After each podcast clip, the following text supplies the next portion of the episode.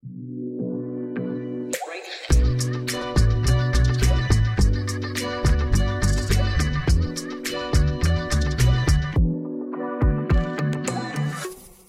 här är alltså Break It Live. Katarina Andersson heter jag och jag har Lena Apler med mig, en av Sveriges mest framgångsrika entreprenörer inom finans. Och eh, Lena, nu är det så här att i det här programmet så får ju våra gäster alltid frågor av tittare. Och du som tittar kan alltså slänga in dina frågor på Breakits sajt eller på våra sociala medier så kommer jag ta upp dem med Lena Apler alldeles i slutet av den här sändningen då. Men du, eh, först vill jag ställa några frågor. Du är ju engagerad i 17-nätverket som du har varit med och grundat. Ja. Och eh, det är en klubb kan man säga för kvinnor som har grundat bolag som omsätter mer än 50 miljoner Ja. kronor. Och då tänker jag så här att det här med en framgångsrik entreprenörskvinna, erfaren som du själv, som stöttar andra entreprenörskvinnor, det kan ju kännas lite förutsägbart. Och jag undrar, vad behövs det här stödet fortfarande idag? Det är väl ganska uppenbart. Eh, läste man en av era konkurrenter idag så såg man att fortfarande så är det en förskräckande liten andel av riskkapitalet som går till kvinnor.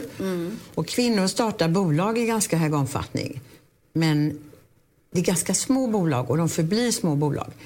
Man låter dem inte riktigt växa och utvecklas. Och det är det vi vill, vill promota, att man ska fortsätta, alltså inte bara starta ett bolag och så vara nöjd med det utan Världsherravälde? Ja, inte världsherravälde, men man kan ju bli bäst i eh, Uppsala eller Tomelilla. Eller, man behöver inte tänka så smått. Nej. Eh, det finns absolut de som har ambitioner att bli globala och skala upp. Men överlag så är det påfallande många bolagsstartande kvinnor som har färre än fem anställda. Och det är ju jättesynd, för kvinnor är jätteduktiga på att driva bolag. Jag kan ju av egen erfarenhet hävda att det är mycket, mycket lättare att leda ett stort bolag än ett litet. För är det litet så måste man göra väldigt mycket själv. Och man är inte bra på allting, så att allting blir inte så bra gjort som det skulle kunna bli. Ju större man blir, ju fler duktiga människor kan man anställa och ju lättare blir det fortsätta tillväxten och utvecklingen. Okej, Ja. det är det du jobbar på. Ja. Och just idag, den Ja. 10 december, så välkomnar ni in eh, nya eh, Nya medlemmar. Mm. Det Vilka är de då för spännande bolag? Eh, Ja, alltså... Jag kan väl kanske inte räkna upp hela listan för jag kan inte den i huvudet. Men det finns eh, eh, ett bolag som heter, som heter Equestrian som jobbar med ridsportartiklar. Mode för, det är en ryttarinna som har startat. Och sen finns det ett bolag som heter Compliant och det som heter Apartment någonting. Eh, jag tror att det är ett par till. Nej, du behöver inte... Nej, inte men de tillkännages egentligen klockan 18 ikväll. Så jag känner på mig att jag är lite tidigt ute just nu. Jaha, okej. Bra. Men så utser vi årets bråkigaste också. Just det. Och det är redan ute, så det måste jag säga att det är Helena Palmgren Mm. som i 20 år har kämpat för flytträtt och pensioner. Är hon bråkig? Jag skulle säga att hon är mer uthållig och envis än bråkig. Mm. Eh, bråkig, vad lägger man in i det begreppet? Det, ja, det kom från Passion for Business en gång. Mm. Och det kom ju för att Anna heter Bråkenhielm, tror jag. Ja. Det kan heta Bråkenhielm. Ska bli... Och hon finns med och, och Hon är med i juryn. Ja. Mm. Ja, men spännande. Och då ska du på gala, digital gala ikväll? Digital gala i eftermiddag innan jag återvänder till västkusten. Mm. Du, eh, en diskussion som har bubblat och rört sig i samhället ett tag det är ju det här om skuldsättning. Att svenska folkets skuldsättning. Eh, Både Kronofogden Finansinspektionen har gått ut och varnat för de här konsumentlånen som bara växer och växer. Blankolånen alltså. Och Konsumentverket är också eh, oroliga för det här. Och I grunden så ligger ju en kritik eh, som handlar om att bolag i branschen lånar ut pengar för lättvindigt till människor som faktiskt inte kan betala tillbaka. Att hela det här hjulet snurrar ju av att bolagen kan låna ut pengar. Och så tittar man inte så noga på om den enskilda låntagaren kommer i kläm. Det är väl det som, jag bara försöker måla Ja. en enkel bild av kritiken här då. Eh, och du är ju grundare till Collector. Collector har ju eh, blankolån som en stor produkt. Ja. Så. så hur ser du på den här utvecklingen där svenska skuldsätter sig på det här sättet? Hur allvarligt är det? Ja, alltså det, är, det är många dimensioner tycker jag på den här frågan. Dels är skuldsättningen per capita i Sverige hög. Det kan vi bara slå fast. Sen tycker jag kanske att det är en lite olycklig polarisering. Bolån är fint, blankolån är fult. Just det. Det tycker jag kanske är lite förenklat synsätt. Eh, lån är inte fult eller fint, utan lån är en bra möjlighet att skaffa sig likviditet för att köpa boende eller elcykel eller någonting annat eh, som man inte kan spara ihop till just då, mm. utan man sparar lite efterhand. Men jag tror att ingen som lämnar blankolån och är seriös vill lämna lån till någon som inte kan betala tillbaka. För då får man en kreditförlust och det vill man inte ha. Mm. Så stora, stora frågan är hur ska man på bästa sätt kunna göra en eh, kreditbedömning i realtid som är relevant. Mm. Det är någonting som vi eh, kämpar med och som vi har kommit ganska långt med men där vi kommer att ta mycket mer hjälp av AI. Därför att man måste kunna prediktera vilka kunder som på sikt inte kan betala tillbaka. Men är det så du säger, att bolagen idag inte vill låna ut, pengar, eh, låna ut pengar till folk som kommer få svårt att betala tillbaka? Absolut inte. Vi vill mm. bara låna ut pengar till folk som kan återbetala sina lån. Men eh, Finansinspektionen till exempel, de ja. tittar ju nu på tre, sex stycken tror jag, kreditinstitut för att se om man gör fullvärdiga kreditupplysningar. Och där verkar det finnas en misstanke om att det inte händer i alla fall. Vi har också alla de här nya bolagen där du lånar digitalt med ett klick. Mm. Det är väldigt ja. enkelt och ja. så vidare. Så visst finns det folk som kommer i kläm. Och vad Absolut. kan ni göra åt det då, ni som bolag? Ja, men för det första så måste vi fortsätta utveckla kreditbedömningsmodellen så att den även i realtid, även om det går på en nanosekund, så måste den vara så sann som det bara går. Mm. Och det, där finns det mycket kvar att göra. Eh, men gör ni tillräckligt hittills då menar du?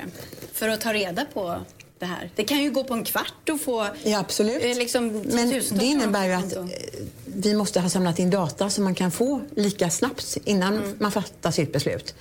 Och det... Eh, jag kan väl tycka att vi har ansträngt oss rätt hårt de sista två åren i att mm. förbättra. Mm. Och jag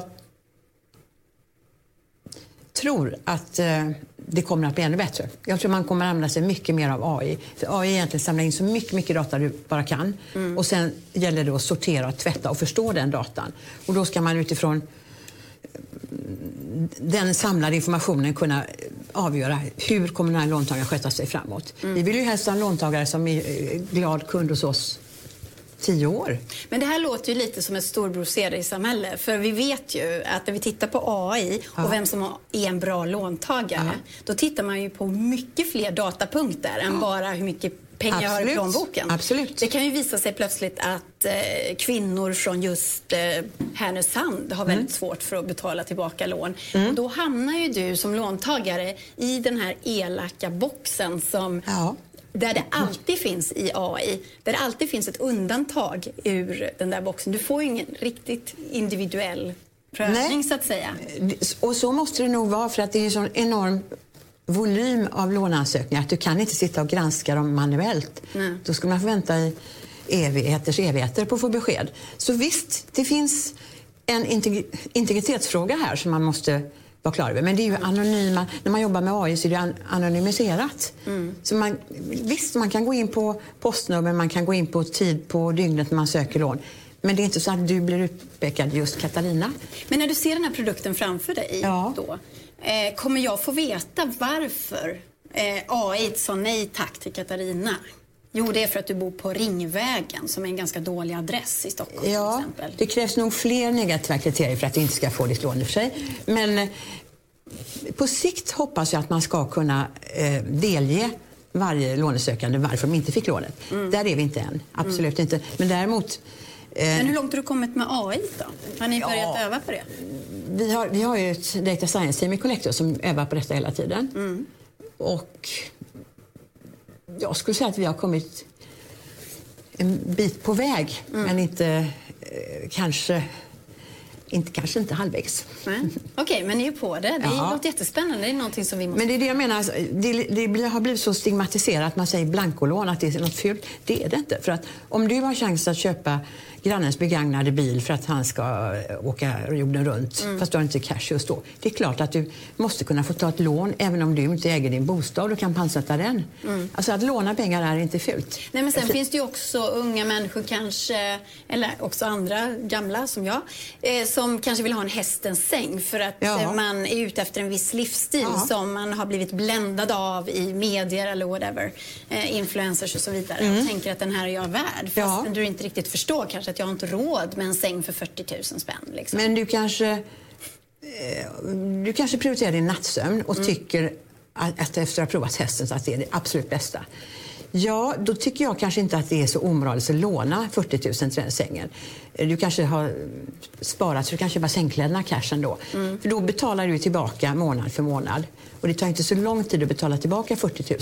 Mm. Och hästens säng kanske du har så det här med spara och slösa, Lena, det är, liksom, det är inte så att man behöver vara så duktig att allting man köper Nej, sparat upp till? en del blir, alltså det, det, är inte så lätt för en löntagare med normal inkomst att spara ihop till allting som man vill mm. konsumera. Så jag tycker sällanköpsvaror, om man har möjlighet att göra ett klipp, om det nu är rea på hästens sängar eller på en kylfrys och tvättmaskin. Mm. Då ska man kunna slå till då, även om man inte råkar ha cash. För då lånar man medvetet till en investering som är ganska långsiktig. Mm.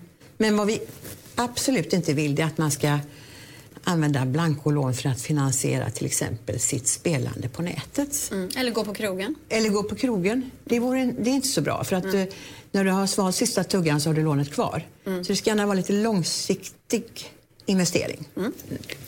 Eh, du pratar här lite om fina och fula lån. Mm. Eh, och eh, där finns det också en företagsledare i Sebastian Siemiatkowski på Klarna som, som verkligen gör en distinktion mellan det här. Han ser ju den här skuldsättningen som ett stort problem. Mm. Men när han twittrar till exempel så har han ju ofta försökt föra bort fokus från sig själv och den typen av krediter han ger på Klarna med fakturalån får man ju mm. säga, för faktura är ju en typ av lån eftersom man inte behöver eh, betala direkt. Då. Och han har twittrat om det här vid ett flertal tillfällen. Eh, han skrev så här eh, i en tweet för inte så länge sedan. Blankolån, inte e-handel, är den stora lånebubblan i Sverige. Kommer tyvärr att sluta illa. Och då undrar jag, eh, vad, vad tänker du om hans eh, syn på det här att det är blankolånen som är den stora boven i dramat? Jag menar, ska man se på volym så tror jag absolut att blankolånen står för en större lånevolym sammanlagt än mm. vad e-handels... Det är både fakturor och delbetalning. Mm. Um, men de är ju otroligt många fler. De är otroligt många fler, men små belopp så att de betalas igen ganska snabbt. Uh, men det är också... Jag tycker det är två sidor av samma problem. För Det kan ju också vara överkonsumtion som gör att du köper lite för mycket för du behöver inte betala på en gång. Mm. Uh, så jag tycker nog inte att det ena är värre än det andra.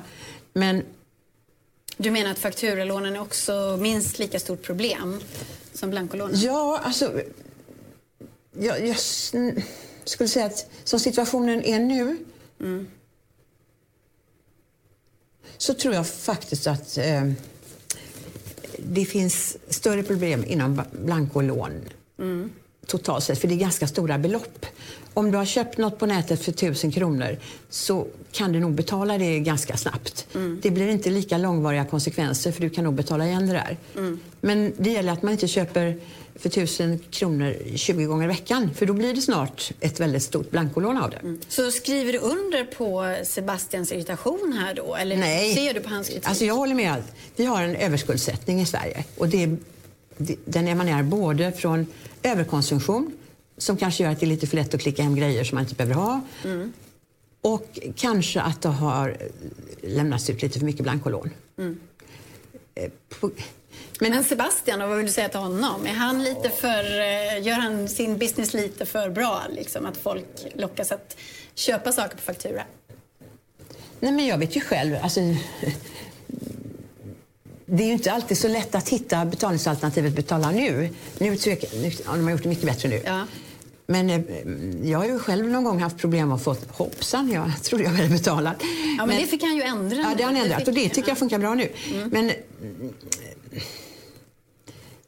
det är väl så här att en normal ansvarskännande individ, inga problem, vare sig man tar ett blankolån eller för den delen delbetalar om man har köpt en eh, någonting, ja, stereoanläggning, stereoanläggning eller någonting mm. på. Det kan man köpa ja, och betala via Klarna. Mm. Det är, för mig är inte det något stort problem. Utan problemet är alla de som inte borde låna som vi inte riktigt kan fånga upp idag. Mm. Därför att vi ser inte att de har tagit tre andra lån på andra ställen. Mm. Och att de kanske har ett spelmissbruk. Mm.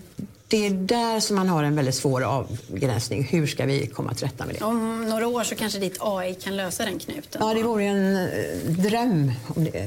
Vi, vi har ju valt att vara ganska restriktiva nu med nyutlåning därför att men, efter corona så är det naturligtvis lätt mm. att man kompenserar inkomstbortfall med att ta ett lån och det vill man inte för då hamnar man i bekymmer längre fram. Mm. Men sen är det väl också så att ett skuldregister är på gång. Det är någonting som både Finansinspektionen mm. och Konsumentverket ja. vill ha. Och ett skuldregister är alltså det här med att man samlar alla skulder i ett och samma register. Ja. Norge har det till ja. exempel. Sverige har ju fortfarande inte Nej. det. Nej. Och en UC som man tar på en person, den kan ju vara sex månader gammal. Du kan ha tagit 15 sådana här små korta Ja, det, är det, alltså det värsta är ju att du, om man förlitar sig helt på den informationen så har man inte den aktuella bilden just nu i realtid. Mm. Utan då har du i värsta fall information som är några månader gammal. Men sen, det är ju bara banker som är anslutna till UC som lämnar information. Mm. Det finns ju en massa mindre bolag som inte är banker och mm. som inte lämnar information. Där ser vi inte om, de tagit, om det finns lån där. Hur akut är det att man får till en sån här översyn? Av... Jag tycker det vore oerhört bra både för landet, samhällsekonomin och för individerna faktiskt. Mm. Och naturligtvis för oss kreditgivare. Och snabbt också? Ja. Eller? Mm. Jag tror kanske inte att det är så snabbt att genomföra men det har varit på tal länge. Jag vet inte om man har kommit någon vart. Mm. Men eh, du har lite smitit under ditt, eh, undan ditt eget ansvar för Collector jo då. Så, och andra bolag har ju faktiskt de facto lånat ut till människor som har skuldsatt sig. De har inte klarat av att betala. De hamnar hos Kronofogden. Eh, Kronofogden har fler unga människor som eh, ansöker om eh, skuldsanering mm. än någonsin. Mm. Så någon har ju gjort fel och däribland de här bolagen som, som du har drivit. Och även stora banker, alla gör fel. Därför att vi ser inte hela bilden. Alltså vi kan se en bild som visar på en låntagare som ser ut att ha bra inkomst, bra ekonomi. Men vi ser inte hur många lån som har tagits upp i sen tid eller vad som har inträffat det kan ju finnas andra skäl till att man har kommit på obestånd. Mm. Eh, och det är det jag menar, att man måste försöka få in så mycket färsk information som det bara är möjligt för att kunna göra en rätt bedömning. Mm. Annars är det någon sorts skattning som baserar sig på historiska fakta. Mm. Vi hoppas att vi kommer till rätta med ja. det då. Eh, vi lämnar det ämnet och så vill jag prata med dig lite om Collectors eh, startup-portfölj som du mm. Eh, brann för så mycket ja. och som du nu då eh, engagerar lite mer i de här startup-bolagen. Ja, jag Dina egna då, mig, alltså. ja, mina egna ja. vill du prata om, ja. Nej, nu, jag, nu tänkte jag på portföljen. Jag tänkte okay. bara så här, för vi pratade på redaktionen om okay. den portföljen. Collector Ventures talar du om. Precis. Ja. Mm. Och, eh, då verkar det som så att den här är såld, portföljen. Mm. Men vi på Breakit vet inte riktigt vilka ägarna är. Vi har inte kunnat ta reda på det och sen har vi frågat runt bland bolagen som faktiskt sitter i den portföljen. Ja. Inte ens de verkar ju veta vem som äger det här. Så kan Nej. inte du berätta för oss nu då? Jag har inte så mycket att berätta, men att det är sålt till NFT som eh, var ett managementbolag som mm. skötte Collective Ventures. Och NFT har alltså tagit in nya externa investerare. Mm. Eh, vilka de är kan jag då inte röja, för det har vi skrivit på. Utan okay. det får ni ta med NFT. Jaha. Mm. Men varför ska det vara så hemligt då, vem som äger? Ja, men, eh, de här investerarna är ju idag föremål för ägarprövning hos Finansinspektionen. Mm -hmm. Kanske vill man inte gå ut förrän ägarprövningen är klar. När är den klar då? Det får du fråga Finansinspektionen om, för det, det brukar kunna ta upp till tre månader. Kanske lite längre, jag vet inte. Ah, Okej, okay. så vi får hålla oss till tåls där? Ja. Ah. Eh, du, jag satt också här och tänkte det här med en connection mellan dig och mig som eh, jag intervjuar, du är mm. mitt intervjuobjekt. Och Offer så trodde jag skulle säga. så satt jag och funderade på det där. Det enda jag kunde komma på, Lena, du är ju från Aplared. Ja. Mm. Är det en connection? Är du också det? Nej, inte riktigt. Men jag skulle säga att jag har varit där och spelat pingis väldigt mycket när jag var ung. Jag spelade pingis. Eh, jag spelade alltid mot någon Marie där i Aplared som eh, jag hatade faktiskt för att hon vann ofta över mig och sådär. Men det var en sån ständig fiende i min, ah. i min pingiskarriär.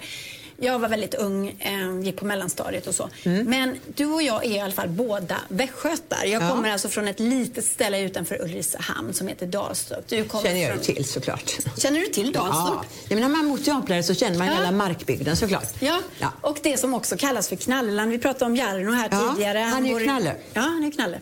Så finns det någonting i entreprenörskapet, tycker du, som just människor från den här knallebygden som knyter oss samman? Egenskaper? Ja, det sägs ju att alla knallar är väldigt angelägna om att skaffa sig rabatter överallt. Ja. Man betalar aldrig fullt pris. Lite snåla som smålänning? Ja, lite så. Mm. Mm. Ähm, Känner du igen dig?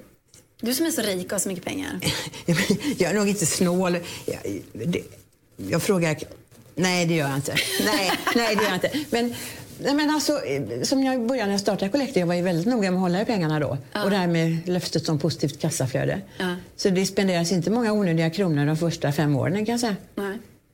Eh, ja, sen tror jag kanske att knalle mentaliteten är ju lite grann att man ska söka sig nya vägar och man ska mm. sälja grejer och man gör affärer på eh, ja, det ena och det andra. Mm. Det, det, är nog ganska, det finns ju rätt många småföretag, eller fanns i alla fall. Ja, verkligen. Nu, och mycket kanske, textilföretag. Ja, och nu är det väldigt många mm, e-handelsbolag där istället. Mm. Mm. Mycket design. Ja, man, kan väl, man kan få vara lite stolt för att man är från Kiel. Absolut, ja. tycker jag vi ska vara. Mm. Eh, nu vill jag gå till frågorna, för de har ja. ju kommit in här eh, från våra tittare. Eh, och Limpan und undrar, vi pratade om Jarno Vanatapio på Naked mm. och eh, den kritikstormen som han har mm. hamnat i där. Limpan undrar, sitter Jarno säkert? Eller kan man byta ut en ledare som Jarno som är så starkt kopplad till bolaget? Nu får du min personliga uppfattning då. För mm. det är klart, det är en eh, rent juridiskt kan man alltid byta ut en VD ja. eh, som inte är majoritetsägare. Håller. Men eh, jag tycker nog att Jarno är så förknippad med Naked och Naked med Jarno att det vore ytterst olyckligt. Mm. Eh, det är ju ingen slump att Jarno först grundade Nelly. Mm. Det kan du tala om entreprenörskap. Mm. Sålde det? Sålde det till Kinnevik och sen Soso.com mm. och sen då Naked, mm. som ju har vuxit fantastiskt och lyckats med tillväxten, får man väl ändå säga. Mm. Långt över satta mål. Eh, jag tror inte att Naked skulle vara detsamma utan Jarno. Men om han nu mobbar folk på sitt företag och eh, inte får styr på den här kulturen, är det dags att byta ut honom då? Jag tycker det är en hypotetisk fråga. Jag tror inte att Jarno är en mobbare. Mm. Jag känner honom tillräckligt väl för att säga att det är han inte. Eh, kulturen kanske kunde förstärkas och förbättras. Mm. Det är väl ett jobb som man har framför sig. Mm. Ska du ta honom i örat på nästa styrelsemöte? Jag inte, sitter inte i styrelsen. Nej, förlåt. Du har bara investerat. Nej, jag, jag ska inte ta honom Jag ska ge honom goda råd och pepp mm. om man behöver. Goda råd och pepp till ja. Jarno. Ja. Mm. Ja, då får du återkomma till mig sen när du har haft det här samtalet. Ja. Det vore spännande. Eh, vi har fler frågor här då. Eh, eh, signaturen RA7, ja, skriver vad var utmaningen för dig när du bodde i Luxemburg och jobbade för SEB? Nu måste du först dra den här bakgrunden. När bodde du i Luxemburg och jobbade för SEB? Ja, alltså, mitt första jobb var ju på SEB. Mm. Och där, jag trivdes så bra så jag var kvar i 12 år. Och under den tiden var jag i Luxemburg och Singapore när jag var på utlandssidan. Jag tror att jag var... Jag har svårt med årtal alltså. Men jag var nog i Luxemburg, det var början på 80-talet. Uh. Och eh, utmaningen för mig då, där, mm. var ett, att få tillräckligt mycket att göra. Yes. Det var relativt stillsamt kontor, jättemysigt men mm. eh, kanske inte den pulsen som jag var van vid. Mm. Den andra utmaningen var att min franska var inte så bra. Så om jag skulle gett mig på de här eh, större utmaningarna så hade jag nog behövt vara lite längre och lära mig franska. Mm. Men eh, sen är det, alltså det är otroligt utvecklande att åka iväg och jobba på mm, ja, mm. en annan marknad. Och så. Det, Singapore låter också otroligt rafflande. Ja, ja. Mm. Singapore var ju kanske mer exotiskt då. var ju då centrum för alla nordiska företags verksamhet i Sydostasien. Mm. Man hade kontakt med hela det svenska näringslivet som fanns där och det var jättespännande. Mm. Och sen var det rätt kul att jobba med, de flesta var ju lokalanställda kineser. Ja. Och det då insåg jag skillnaden mellan kineser och nordbor. Då var det i alla fall så att man var tvungen att ge exakta instruktioner. Till en svensk kan man säga, kan du fixa det? Mm. Så blir det klart. Mm. Men när man säger, kan du först göra det och sen det och sen det, annars stannar de efter steg ett. Mm. Det var lite konstigt. Mm. Men det var på den tiden. Ja, eh, och nu kommer en fråga från Malin, 86, som frågar vilka bolag tycker du är mest spännande just nu? Ja, I mean, jag tror att corona har nog påverkat mig rätt mycket åt eh, medtech-hållet. Alltså mm. man följer med spänning utveckling av naturligtvis vaccin så att vi ska kunna vaccinera oss. Men också, jag läste, på tal om AI då, att det finns något bolag som har eh, kunnat utveckla AI så att man kan eh, läsa proteiner tredimensionellt. Mm -hmm. i människokroppen. Vad betyder det? Läs ja, men alltså, du, kan, du har ju miljoners miljarder små, små, små beståndsdelar. Ja. Och för att få koden till det här alfabetet så måste du kunna läsa dem tredimensionellt, vilket är nästan omöjligt för... Vad kan man göra med den informationen som är bra då? Jo, då förstår du sammansättningen och då kan du ha hjälp både när du tillverkar vaccin och läkemedel. Jaha. Mm, det är jag faktiskt intresserad av, väldigt intresserad av. Mm. Sen tycker jag ju... Så medtech är en ja, men jag, som är intressant? Som jag kan väldigt lite om ja. och som jag egentligen inte är inne i, men eh, jag tycker det är intressant. Mm. Sen tycker jag ju naturligtvis att allt som har med eh, lite mer hållbart levande, det vill säga det är alltifrån hur vi äter och hur vi lever. Mm. Eh, jag, du är inne på hälsotrenden här. Ja, men jag, kanske för att jag har gett mig själv lite mer tid. Ja. ja men då får man funderingar på hur Yogar man ska... också? Ja. Gör du det? Ja, mm. ja tränar. Downward facing dog tre gånger, tre gånger om dagen? Inte tre gånger om dagen kanske, nej. men det händer. Ja. Du, eh, Ninja22 som brukar ställa frågor här i Break It Live undrar ja. hur gör man för att få dig som investerare?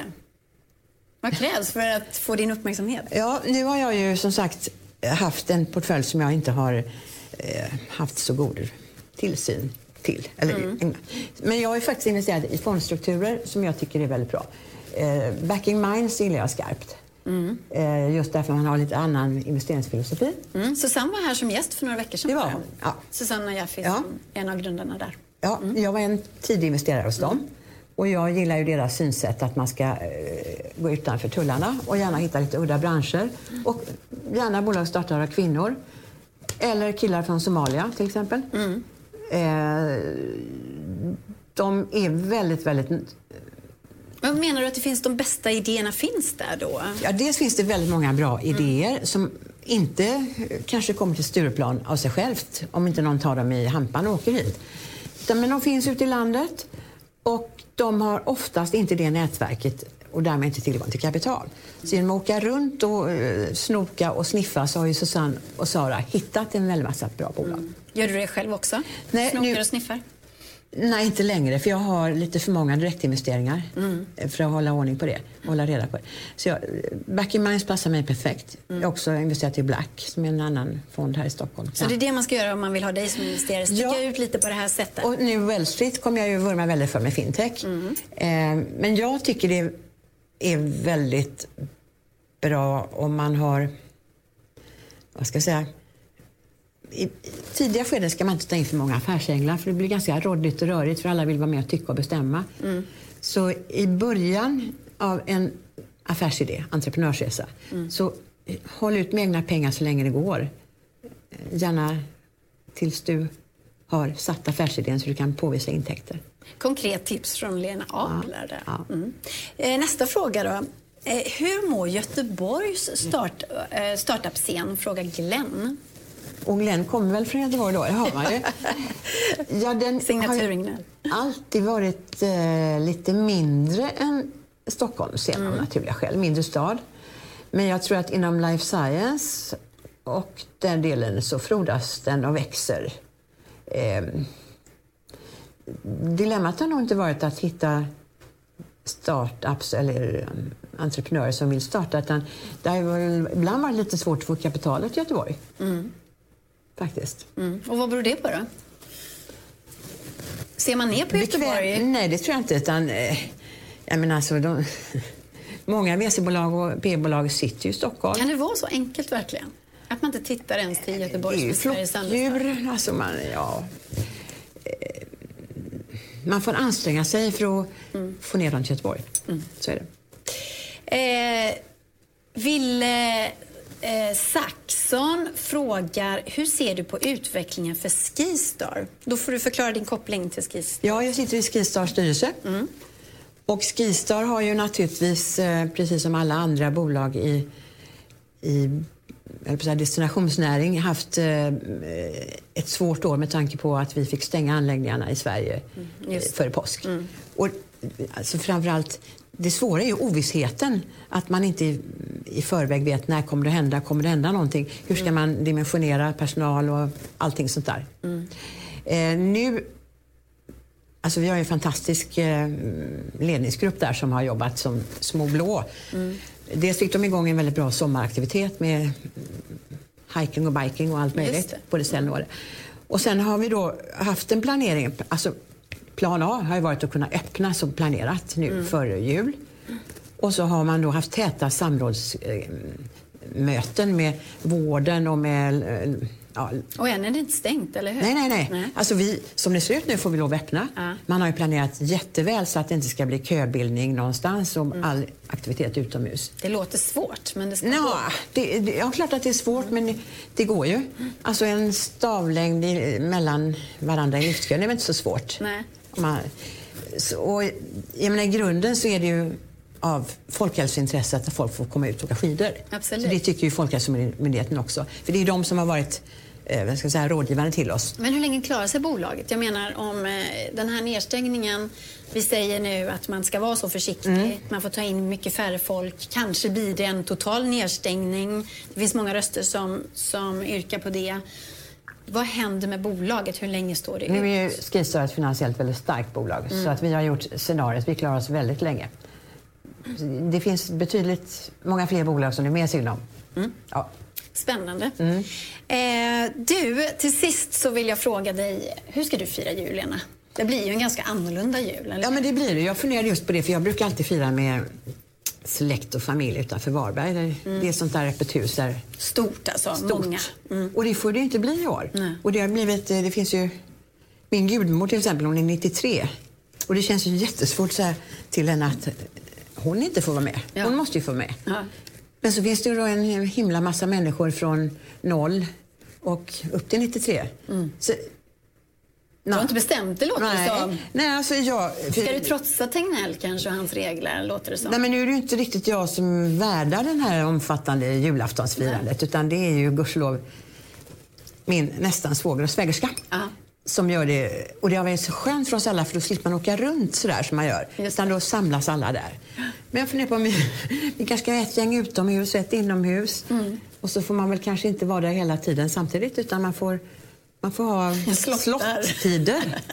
Precis som man har på och så har man med sig en stav, en skidstav som man Och håller skidstav. eh, avstånd. Och så inte tafsa på skinkan. Igår hörde jag en kille på TV som sa att han tänkte livesända lite på, på Facebook då, Ja. i sin ensamhet under julafton för att se om det var någon annan som kunde koppla på sig. Det kanske du också ska göra, Lena. Jag tror att väldigt många hade kopplat på sig om du hade livesänt Tror du det? Ja. Ja, jag ska Men- fundera på det. Ja. Det var i alla fall vansinnigt roligt att få ha med dig här i Break It Live. Att du kom hit, att du berättade så öppenhjärtigt om det mesta. Ja. Och eh, du är varmt välkommen tillbaka någon annan gång. Du har vägarna förbi Tackar Stockholm. för det. Mm. Trevligt att vara här. Och med det så säger vi tack så mycket från Break It Live. Det är Nordea och Almi Invest som sponsrar våran sändning. Tack för att ni tittat.